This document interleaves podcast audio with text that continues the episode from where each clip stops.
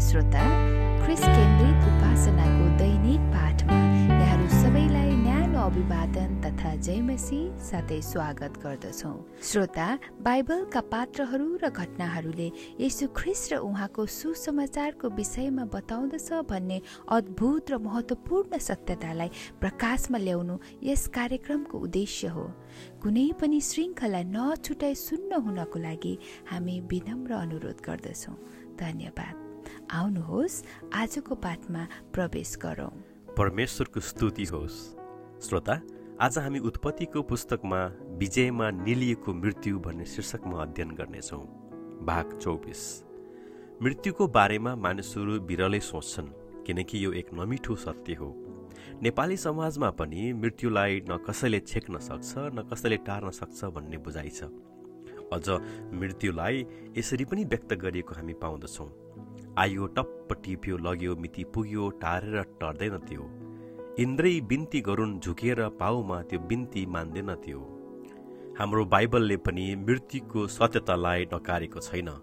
अझ बाइबलले त मृत्यु सबै मानिसको अन्तिम दशा हो अनि त्यसलाई जीवित मानिसहरूले यो कुरा हृदयमा जानिराख्नु पर्दछ भनी बताउँदछ।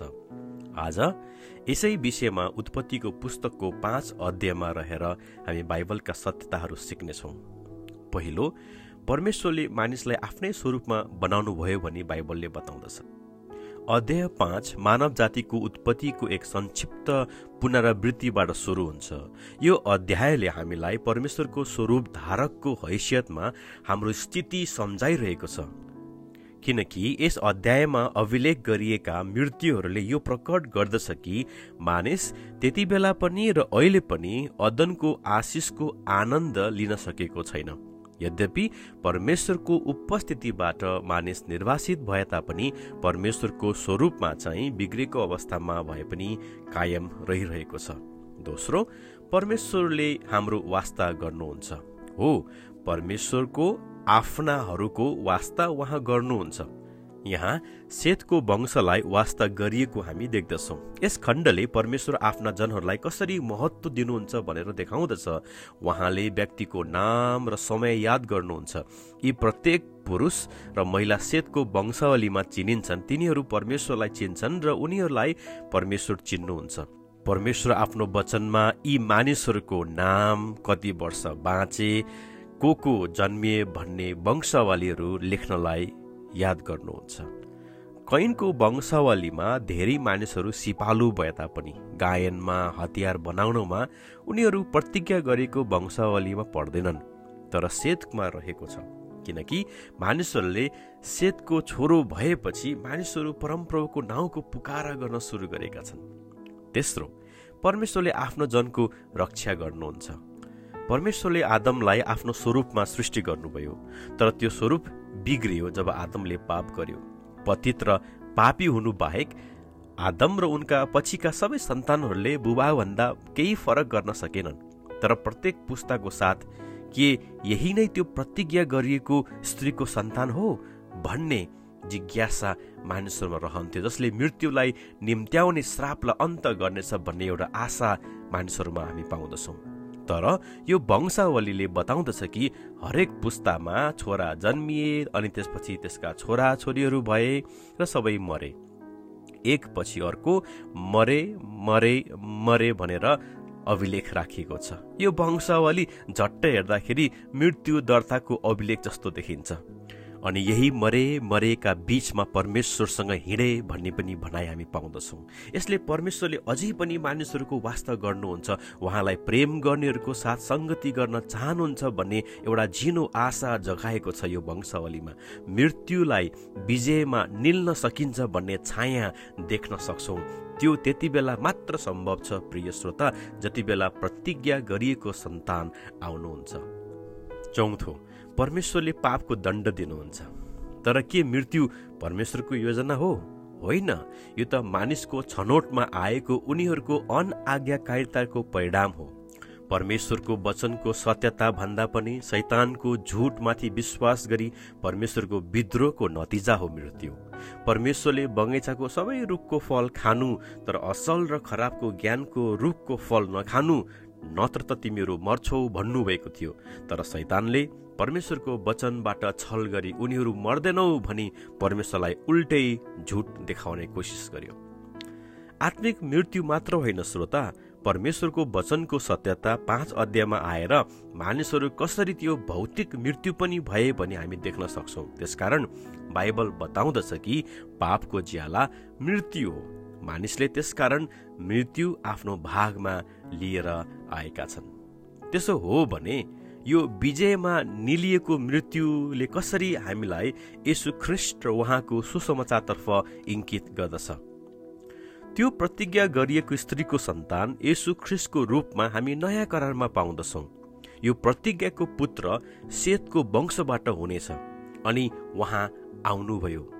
अनि लुकाको पुस्तकमा यसुको वंशावली पुर्खाबाट सुरु गरेर तल तल हुँदै सन्तानको वंशावली प्रदान गर्नुको सट्टामा उनले यसुबाट सुरु गरेर पुर्खाको वंशावली प्रदान गर्दछ। यसु जोसेफको छोरा भनेर चिनिन्थ्यो भन्दै त्यो तथ्यबाट वंशावली सुरु गरेर उनले दाउद बोआज उदा अब्राहम र सेत हुँदै आदमसम्म पुग्छन्। अनि आदम परमेश्वरका छोरा थिए भने भन्दछन् लुका तिनको तेइसदेखि अडतिसमा हामी यो पाउँदछौँ। अनि इतिहासको यो कालखण्डमा यी सबै दर्दनाक प्रसव पीडाले यही बालकको प्रतीक्षा गरिरहेको थियो भनी हामी थाहा गर्न सक्छौँ। आदम र आदमको सन्तानको पापको दोष र त्यस पापको नतिजा मृत्युलाई सदाको लागि अन्त यसुले गर्नुभयो। श्रोता रोमी पाँच अध्यायले बताउँदछ कि एकजना मानिसद्वारा संसारमा पाप आयो र पापबाट मृत्यु।